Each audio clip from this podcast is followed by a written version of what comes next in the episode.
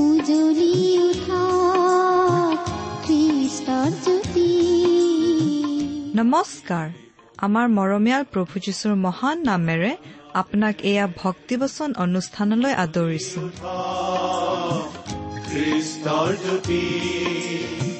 আকাশ বতাহ মুখৰিত কৰি গাঁও হাৱে মিলি প্ৰশংসা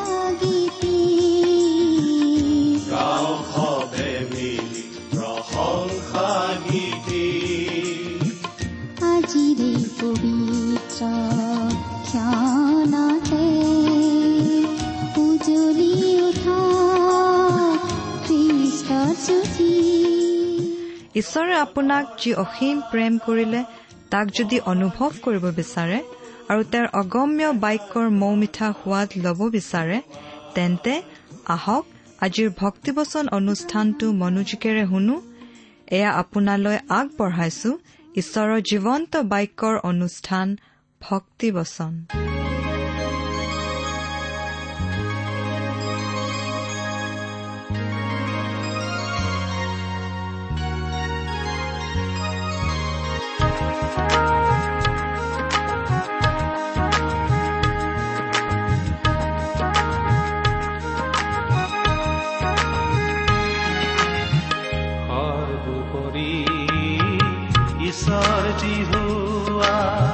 যদিহে মোৰ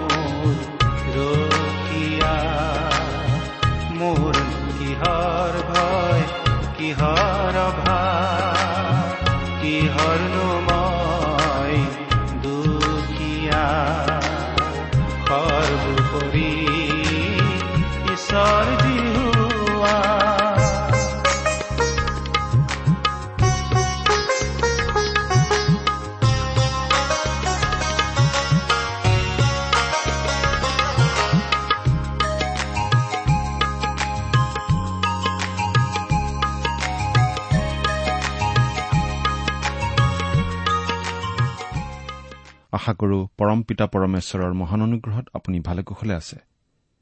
আপুনি আমাৰ এই ভক্তিবচন অনুষ্ঠানটো নিয়মিতভাৱে শুনি আছে বুলিও আমি আশা কৰিছো। এই অনুষ্ঠান শুনি আপুনি বাৰু কেনে পাইছে?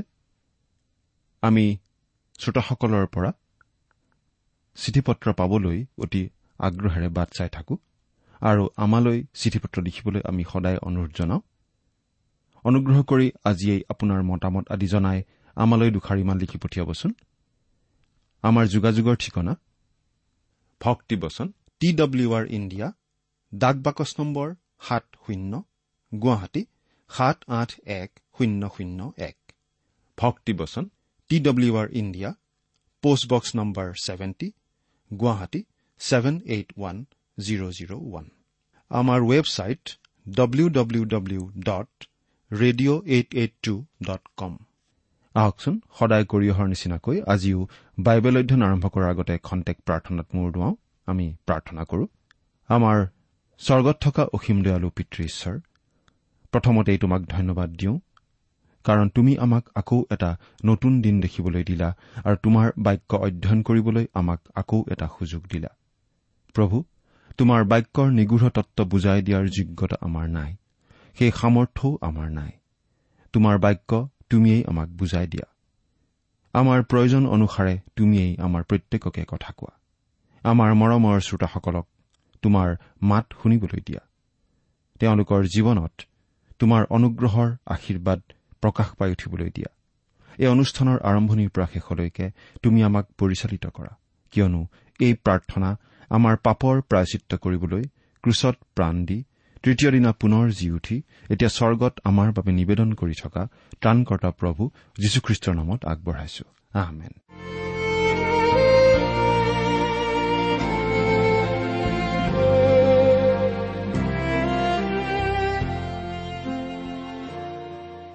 প্ৰিয় শ্ৰোতা আপুনি বাৰু আমাৰ এই ভক্তিবচন অনুষ্ঠানটো নিয়মিতভাৱে শুনি আছেনে? যদিহে আপুনি আমাৰ এই অনুষ্ঠানটো নিয়মিতভাৱে শুনি আছে তেনেহলে আপুনি নিশ্চয় জানে যে আমি এতিয়া বাইবেলৰ নতুন নিয়ম খণ্ডৰ ইব্ৰীবিলাকৰ প্ৰতি পত্ৰ নামৰ পুস্তকখন অধ্যয়ন কৰি আছো আৰু ইতিমধ্যে আমি বহুদূৰ আগবাঢ়ি আহিছো। যদিহে আপুনি আমাৰ যোৱা অনুষ্ঠানটো শুনিছিল তেতিয়াহ'লে আমি কি আলোচনা কৰিছিলো আপোনাৰ নিশ্চয় মনত আছে? যোৱা অনুষ্ঠানত আমি এই ইব্ৰী পুস্তকৰ এঘাৰ নম্বৰ অধ্যায়ৰ চৌত্ৰিশ নম্বৰ পদলৈকে পঢ়ি আমাৰ আলোচনা আগবঢ়াই নিছিলো। গতিকে আজিৰ অনুষ্ঠানত আমি ইব্ৰী পুস্তকৰ এঘাৰ নম্বৰ অধ্যায়ৰ পঁয়ত্ৰিশ নম্বৰ পদৰ পৰা আমাৰ আলোচনা আৰম্ভ কৰিব খুজিছো। এই ইব্ৰী পুস্তকখন হৈছে এখন চিঠি। ইব্ৰী অৰ্থাৎ জিহুদী খ্ৰীষ্টীয় বিশ্বাসী লোকসকললৈ লিখা এখন চিঠি। ইয়াত বহুতো তত্বমূলক কথা আছে আৰু আমাৰ বাবে শিকিবলগীয়া বহুত ব্যৱহাৰিক জীৱনৰ কথাও আছে।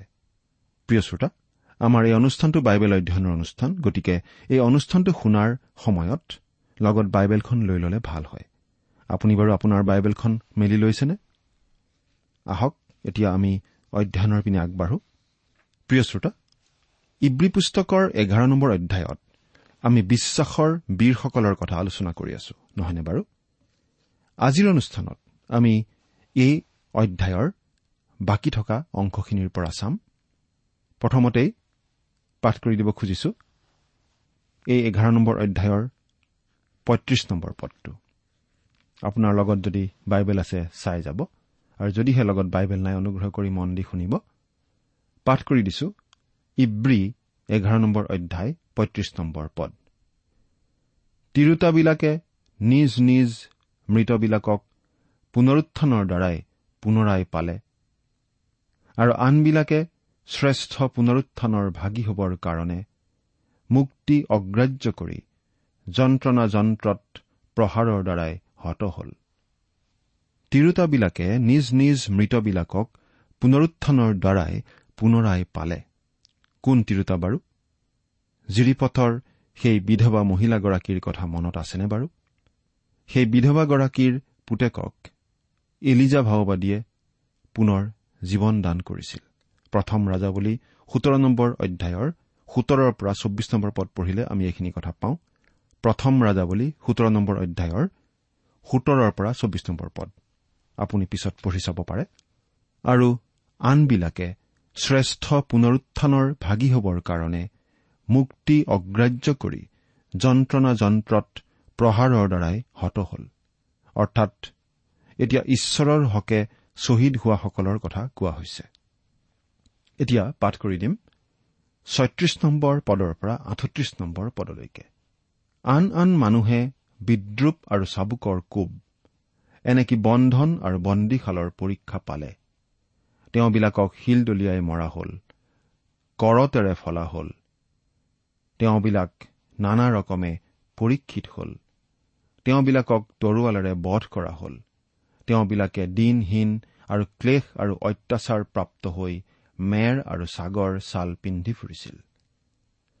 এই জগত তেওঁবিলাকৰ যোগ্য নাছিল। তেওঁবিলাক নিৰ্জন ঠাইত পৰ্বতত গুহাত আৰু পৃথিৱীৰ গহ্বৰত ফুৰিছিল। ইয়াত আমি আন এদল লোকৰ কথা পাইছো। তেওঁলোকে যুদ্ধক্ষেত্ৰত ডাঙৰ ডাঙৰ যুদ্ধ জয় কৰা নাছিলগৈ। তেওঁলোকে বিশাল জনসমুদ্ৰৰ আগত জীৱনৰ কাৰ্যক্ষেত্ৰত ঈশ্বৰৰ হকে কিবা আচৰিত চকুত লগা কাম কৰিও দেখুওৱা নাছিল। তেওঁলোক হৈছে আন আন লোক। নাম দিয়া হোৱা নাই। নাম উল্লেখ কৰা হোৱা নাই। কিন্তু যদিহে আপুনি ঈশ্বৰৰ বীৰ পুৰুষৰ তালিকা বিচাৰে তেওঁলোক সেই তালিকাৰ অন্তৰ্ভুক্ত। তেওঁলোকে মানুহৰ ঠাট্টা মস্কৰা ক্লেশ তাৰণা অত্যাচাৰ বন্দিত্ব যাতনা আদি পাব লগা হৈছিল। তেওঁলোকক শিল দলিয়াই মৰা হৈছিল কৰতেৰে ফলা হৈছিল। এনেদৰে শুনা যায় যে যিচয়া ভাৱবাদীকো কৰতেৰে ফলা হৈছিল। আমি অৱশ্যে খাটাংকৈ ক'ব নোৱাৰো। তেনে অতি যন্ত্ৰণাদায়ক নিষ্ঠুৰ মৃত্যু কোনে কোনে বৰণ কৰিবলগীয়া হৈছিল আমি নাজানো। আৰু আন অনেকক পৰীক্ষাত পেলোৱা হ'ল প্ৰলোভনত পেলোৱা হ'ল আৰু বহুতকে তৰোৱালেৰে বধ কৰা হ'ল। ইয়াতেই আমি বিশেষ পাৰ্থক্য এটা মন কৰা উচিত। তেত্ৰিশ আৰু চৌত্ৰিশ নম্বৰ পদত আমি পাই আছিলো যুদ্ধ জয় কৰাৰ কথা। তাত আমি এনেদৰে পঢ়িবলৈ পাইছিলো তেওঁবিলাকে বিশ্বাসৰ দ্বাৰাই নানা ৰাজ্য পৰাজয় কৰিলে ধৰ্মকৰ্ম কৰিলে প্ৰতিজ্ঞাৰ ফল পালে সিংহবোৰৰ মুখ বন্ধ কৰিলে অগ্নিৰ তাপ নুমুৱালে তৰোৱালৰ মুখৰ পৰা হাত সাৰিলে দুৰ্বলতাৰ পৰাও বলৱন্ত হ'ল যুদ্ধত পৰাক্ৰমী হ'ল অন্য জাতীয়বিলাকৰ সৈন্যবোৰক হৰুৱালে তেওঁলোকে তৰোৱালৰ পৰা ৰক্ষা পোৱাৰ কথা আমি পাইছিলো। কিন্তু ইয়াত সাতত্ৰিশ নম্বৰ পদত আমি পাইছো তেওঁলোক তৰোৱালৰ দ্বাৰা হত হোৱাৰ কথা। এই দুই ধৰণৰ লোকৰ কথা আমি পালো। কথাটো আমি কেনেকৈ বুজাম? এদল বিশ্বাসী লোকে তৰোৱালৰ পৰা হাত সাৰিল। আনহাতে এদল লোকে বিশ্বাসেৰে তৰোৱালৰ দ্বাৰাই হত হল। আমি এতিয়া এনেকুৱা এটা বিষয় পাইছো। যিটো আচলতে সহজে আমি বুজি নাপাওঁ। বুজাই দিয়া কঠিন। বিষয়টোনো কি বাৰু? বিষয়টো হৈছে ধাৰ্মিক লোকে কিয় কষ্ট সহ্য কৰিব লগা অৱস্থাত পৰে? আজি আমি যদি ভাল স্বাস্থ্যত আছো ভাল অৱস্থাত আছো তেনেহলে বেলেগক বেমাৰত পৰা দেখি এই বুলি কোৱাটো সহজ। তেওঁলোকক ঈশ্বৰে পৰীক্ষা কৰি চাইছে। কিন্তু ইয়াত উল্লেখ কৰা মানুহবোৰৰ সেই সকলো দুখ কষ্ট যেতিয়া আহিছিল তেতিয়া সেই সকলো দুখ কষ্টৰ সন্মুখীন তেওঁলোক হৈছিল বিশ্বাসেৰে। তেওঁলোকক ঈশ্বৰে পৰীক্ষা কৰা বুলি তেওঁলোকে ধৰা নাছিল। তেওঁলোকে সহন কৰিব পাৰিছিল কাৰণ তেওঁলোকে বিশ্বাসেৰে তাৰ মুখামুখি হৈছিল।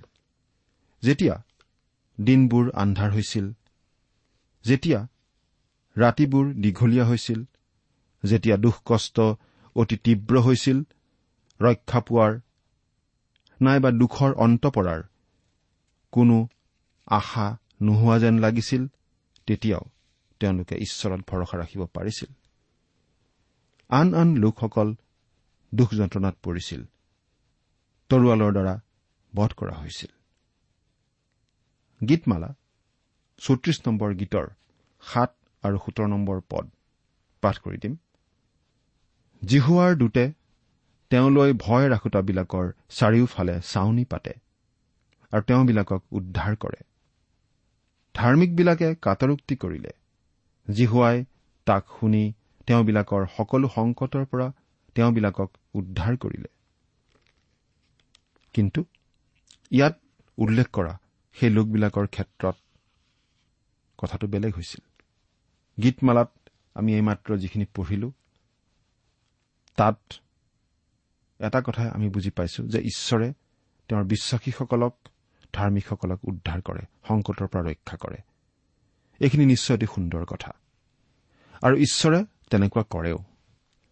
কিন্তু তৰোৱালৰ পৰা ৰক্ষা নোপোৱা সেই আন আন লোকসকলৰ ক্ষেত্ৰত আমিনো কি ক'ম?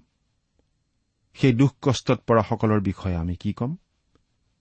ষ্টিফানে সেই সময়ৰ ধৰ্মীয় নেতাসকলৰ আগত এই বুলি ক'ব পাৰিছিল। তোমালোকৰ পিতৃসকলে কোনজন ভাৱবাদীকনো অত্যাচাৰ কৰা নাছিল?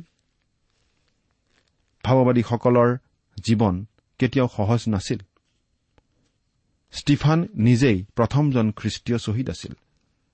তেওঁক শিলদলিয়াই মৰাৰ আগতে ষ্টিফানে কৈছিল এই বুলি পাচনি কৰ্ম সাত নম্বৰ অধ্যায়ৰ বাৱন্ন নম্বৰ পদত আমি এনেদৰে পঢ়িবলৈ পাওঁ। পাঠ কৰি দিছো। তোমালোকৰ ওপৰ পুৰুষসকলে ভাৱবাদীসকলৰ কাকনো তাৰণা নকৰিছিল। ধাৰ্মিক জনা অহাৰ বিষয়ে যিবিলাকে আগেয়ে কৈছিল সেইবিলাকক বধ কৰিলে আৰু এতিয়া তোমালোকে হলে সেইজনাকেই শত্ৰুৰ হাতত সোধাই দি বধ কৰালা। প্ৰভু যীশুৱে পৌলক আমন্ত্ৰণ কৰিছিল আৰু সেই সময়ত প্ৰভু যীশুৱে এই বুলি জনাই দিছিল আমি পঢ়িবলৈ পাওঁ পাচনি কৰ্ম ন নম্বৰ অধ্যায়ৰ ষোল্ল নম্বৰ পদত। কিয়নো তেওঁ মোৰ নামৰ নিমিত্তে কিমান দুখ ভোগ কৰিব লাগিব ইয়াকে মই তেওঁক দেখুৱাই দিম। প্ৰভু যীশুৱে আমাক এই কথা স্পষ্টভাৱে জনাই দিছে। জোহন ষোল্ল অধ্যায় তেত্ৰিশ নম্বৰ পদত তোমালোকে মুঠ যেন শান্তি পোৱা। এইকাৰণে এইবোৰ কথা তোমালোকক কলো। জগতত তোমালোকৰ ক্লেশ আছে কিন্তু নিৰ্ভয় হোৱা। মই এই জগতক জয় কৰিলো। পৌল আৰু বাৰ্ণবাই তেওঁলোকৰ বিখ্যাত মিছনেৰী যাত্ৰাত যাওঁতে তেওঁলোকৰ বিষয়ে এই বুলি কোৱা হৈছে পাচনি কৰ্ম চৈধ্য নম্বৰ অধ্যায়ৰ বাইশ নম্বৰ পদত পঢ়িবলৈ পাওঁ। আৰু আমি বহু ক্লেশেৰে ঈশ্বৰৰ ৰাজ্যত সোমাব লাগে এই বুলি বিশ্বাসত থিৰে থাকিবলৈ উপদেশ দি শিষ্যবিলাকৰ মন থিৰ কৰিলে। প্ৰিয় শ্ৰোতা বহুতো লোকে তেওঁলোকৰ বিশ্বাসৰ চিনাকি দিছিল যুদ্ধ জয় কৰি আৰু নানা বিপদৰ পৰা উদ্ধাৰ পায়। কিন্তু অনেক অনেক মানুহে আন বহুতো মানুহে বিশ্বাসৰ হকে নানান দুখ ভোগ কৰিবলগীয়া হৈছিল। খ্ৰীষ্টীয় মণ্ডলীৰ ইতিহাসত আমি এনে বহু উদাহৰণ পাওঁ। পাচনি পিতৰে এই বুলি লিখিছে প্ৰথম পিতৰ চাৰি নম্বৰ অধ্যায়ৰ বাৰ আৰু তেৰ নম্বৰ পদ দুটা পঢ়ি দিওঁ। হে প্ৰিয়বিলাক তোমালোকৰ পৰীক্ষাৰ অৰ্থে তোমালোকৰ মাজত যি জুই জ্বলিছে সেয়ে তোমালোকলৈ অসম্ভৱ ঘটনা ঘটিছে বুলি তাৰ বিষয়ে তোমালোকে আচৰিত নামানিবা। বৰং যি পৰিমাণে খ্ৰীষ্টৰ দুখ ভোগৰ সহভাগী হৈছা সেই পৰিমাণে আনন্দ কৰা যেন তেওঁৰ গৌৰৱ প্ৰকাশিত হোৱা কালত তোমালোকে আনন্দেৰে উল্লাস কৰিব পাৰা। কলচিয়াৰ বিশ্বাসীসকললৈ পাচনি পৌলে এই বুলি লিখিছিল। পাঠ কৰি দিছো। কলচিয়া এক নম্বৰ অধ্যায়ৰ চৌব্বিছ নম্বৰ পদ।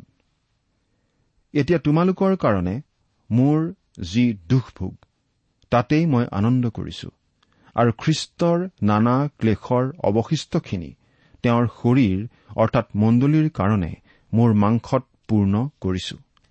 প্ৰভু যীশুৱে ক্ৰুচত যন্ত্ৰণা সহিছিল। কিন্তু তেওঁ আন নানা ধৰণৰ দুখ কষ্টৰ মাজেৰেও পাৰ হৈছিল। প্ৰভু যীশুৰ নিচিনা দুখ কষ্ট আমি কোনেও কেতিয়াও সহিব লগা নিশ্চয় হোৱা নাই। কিন্তু আমি তেওঁৰ হকে থিয় দিলে নিশ্চয় কিবা নহয় কিবা ধৰণে কষ্ট সহিব লগা হবই। কিছুমানে হয়তো কমকৈ কিছুমানে বেছিকৈ। আজিও অনেক খ্ৰীষ্টীয় বিশ্বাসী লোকে দুখ কষ্ট ভোগ কৰি আছে। তেওঁলোকে কেনেকৈ সেই কাম কৰি আছে জানেনে প্ৰিয় শ্ৰোতা? তেওঁলোকে সেইটো কৰি থাকিব পাৰিছে একমাত্ৰ বিশ্বাসেৰে। আমাৰ বহুততকৈ তেওঁলোকৰ বিশ্বাস বেছি বেছি দৃঢ়। আমাৰ বহুততকৈ তেওঁলোক বেছি উচ্চমানৰ সাধু আৰু বিশ্বাসী বুলি আমি ক'ব পাৰোঁ। বহুতো লোকে অতি দূৰ ঠাইলৈ দুৰ্গম ঠাইলৈ গৈ খ্ৰীষ্টৰ প্ৰেমৰ বাণী বিলাই আছে আৰু নানা ধৰণৰ দুখ কষ্ট সহ্য কৰিছে। অনেকে মৰণকো সাৱটি ল'ব লগা হৈছে।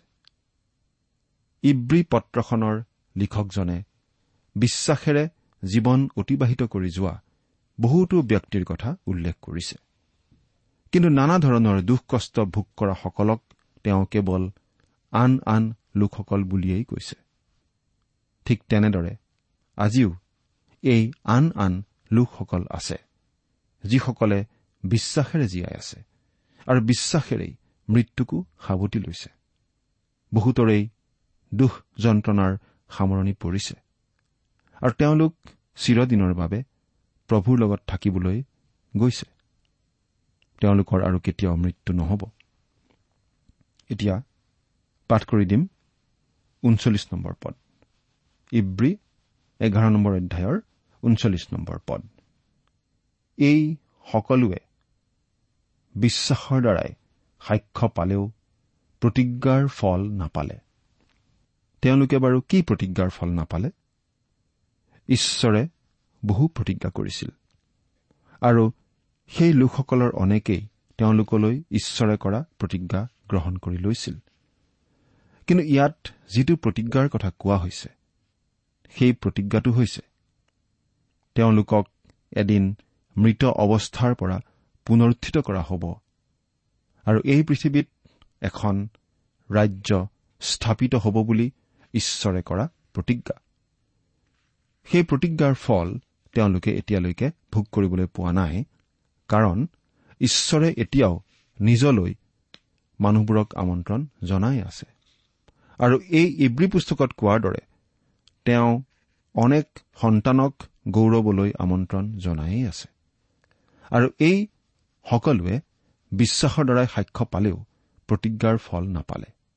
আমাক তাৰ কাৰণটো ইয়াত জনাই দিয়া হৈছে। চল্লিছ নম্বৰ পদ। কিয়নো ঈশ্বৰে আমাৰ নিমিত্তে কোনো শ্ৰেষ্ঠ বিষয় যুগুত কৰাত আমাৰ অবিহনে তেওঁবিলাকক সিদ্ধ হবলৈ নিদিলে। আকৌ পঢ়ি দিছো। কিয়নো ঈশ্বৰে আমাৰ নিমিত্তে কোনো শ্ৰেষ্ঠ বিষয় যুগুত কৰাত আমাৰ অবিহনে তেওঁবিলাকক সিদ্ধ হবলৈ নিদিলে। অৰ্থাৎ ঈশ্বৰৰ চিন্তাত আমি আছো। সেইটো বাৰু তেওঁৰ মহান অনুগ্ৰহ নহয়নে? আমাৰ অবিহনে তেওঁবিলাকক সিদ্ধ হবলৈ নিদিলে। ঈশ্বৰে অতি ধৈৰ্যেৰে এই জগতৰ পৰা তেওঁলৈ বুলি মানুহবোৰ আজিও আমন্ত্ৰণ জনাই আছে। আৰু সেই আমন্ত্ৰণ গ্ৰহণ কৰি ওলাই অহা লোকসকলেই হৈছে খ্ৰীষ্টীয় বিশ্বাসী লোক। খ্ৰীষ্টীয় মণ্ডলী। সেই খ্ৰীষ্টীয় মণ্ডলী গঠন কৰা সম্পূৰ্ণ নোহোৱা পৰ্যন্ত তেওঁ তেনেদৰে মানুহবোৰ আমন্ত্ৰণ জনায়েই থাকিব। এই অধ্যায়টোত আমি জগত আৰু বিশ্বাসৰ কাৰ্যকাৰিতা দেখিলো। এইখিনিতে আমি এটা কথা ক'ব খুজিছো। আমি আচলতে এমাহ দুমাহ বা ছমাহ আগতে খ্ৰীষ্টক বিশ্বাস কৰি পৰিত্ৰাণ লাভ কৰা কোনো লোকৰ সাক্ষ্য শুনিবলৈ বেছি আশা নকৰো।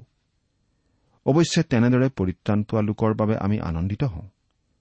কিন্তু আমি আচলতে কি বুজাব খুজিছো সেইটো মন কৰকচোন। আমি এজন বিখ্যাত প্ৰচাৰকৰ ভাষাৰে এই কথাখিনি কওঁ।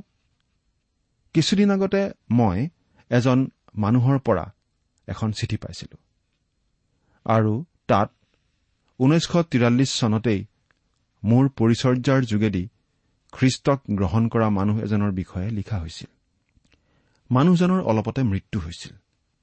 তেওঁৰ মৃত্যু মাত্ৰ কেইদিনমান আগতেহে হৈছিল। আৰু তেওঁৰ মৃত্যুৰ সময়ত সোঁৱৰণি গীৰ্জাত তেওঁৰ বিষয়ে খুব ভাল ভাল কথা কোৱা হৈছিল। তেওঁ খুব ভাল বিশ্বাসপূৰ্ণ জীৱন কটাইছিল বুলি কোৱা হৈছিল। অৰ্থাৎ তেওঁ বিশ্বাসত থিৰে আছিল।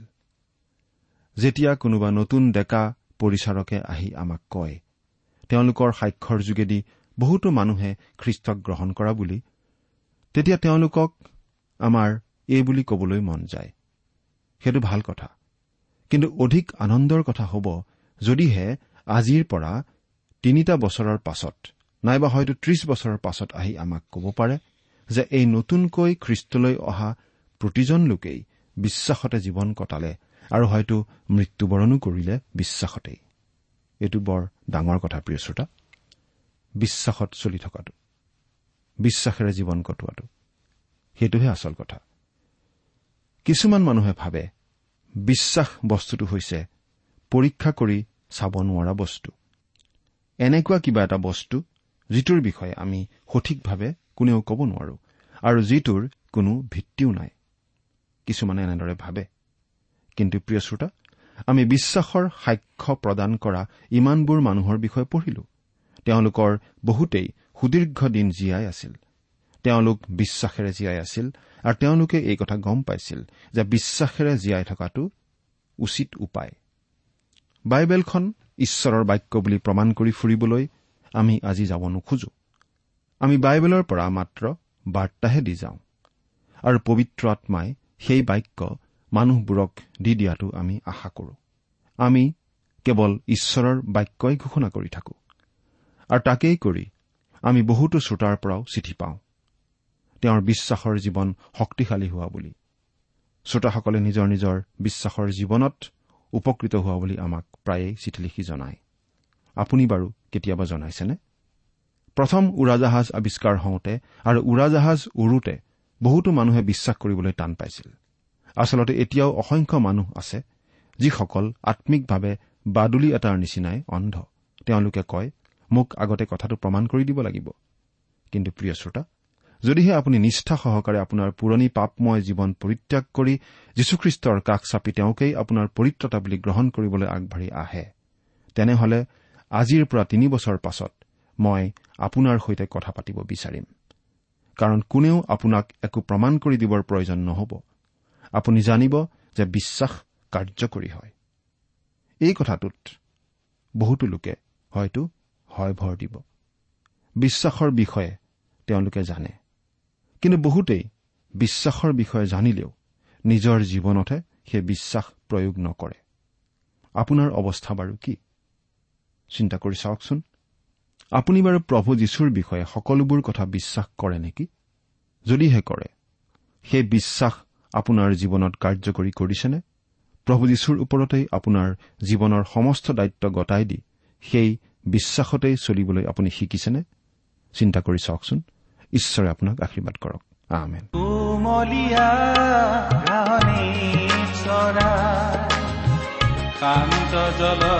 কাষে চলাই কুমলীয়া ঘাঁহনি চৰাই। শান্ত জলৰ কাষে মোক চলাই সুস্থ কৰে মোৰ প্ৰাণ পুনৰাই। ধৰ্ম পথেৰে মোক নাই ইমান পৰে আপুনি ভক্তিবচন অনুষ্ঠানটি শুনিলে। অনুষ্ঠানটি শুনি কেনে পালে? আমালৈ চিঠি লিখি জনাবচোন। অনুষ্ঠানত প্ৰচাৰ কৰা কোনো কথা বুজিব লগা থাকিলেও আমালৈ লিখক। আমাৰ ঠিকনা ভক্তিবচন টি ডাব্লিউ আৰ ইণ্ডিয়া ডাক বাকচ নম্বৰ সাত শূন্য গুৱাহাটী সাত আঠ এক শূন্য শূন্য এক।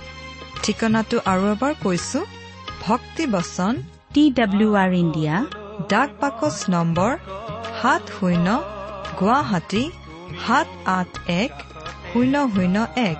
আপুনি ইমেইল যোগেৰেও আমাৰ সৈতে যোগাযোগ কৰিব পাৰে। আমাৰ ইমেইল আইডিটো হৈছে Assamese T TV at radio' eight eight two dot com আইডিটো আকৌ এবাৰ কৈছো। Assamese T TV at radio' eight eight two dot com আপুনি টেলিফোনৰ মাধ্যমেৰেও আমাক যোগাযোগ কৰিব পাৰে। আমাৰ টেলিফোন নম্বৰটো হৈছে শূন্য তিনি ছয় এক দুই ছয় শূন্য চাৰি ছয় সাত এক। ফোন নম্বৰটো আকৌ এবাৰ কৈছো zero' three six one two six zero' four six seven one. আজিৰ অনুষ্ঠানটি ইমানতে সামৰিছো। ঈশ্বৰৰ শান্তি আৰু অনুগ্ৰহ আপোনাৰ লগত থাকক। ধন্যবাদ। আজি কৰি পাইছো পৰিত্ৰাণৰ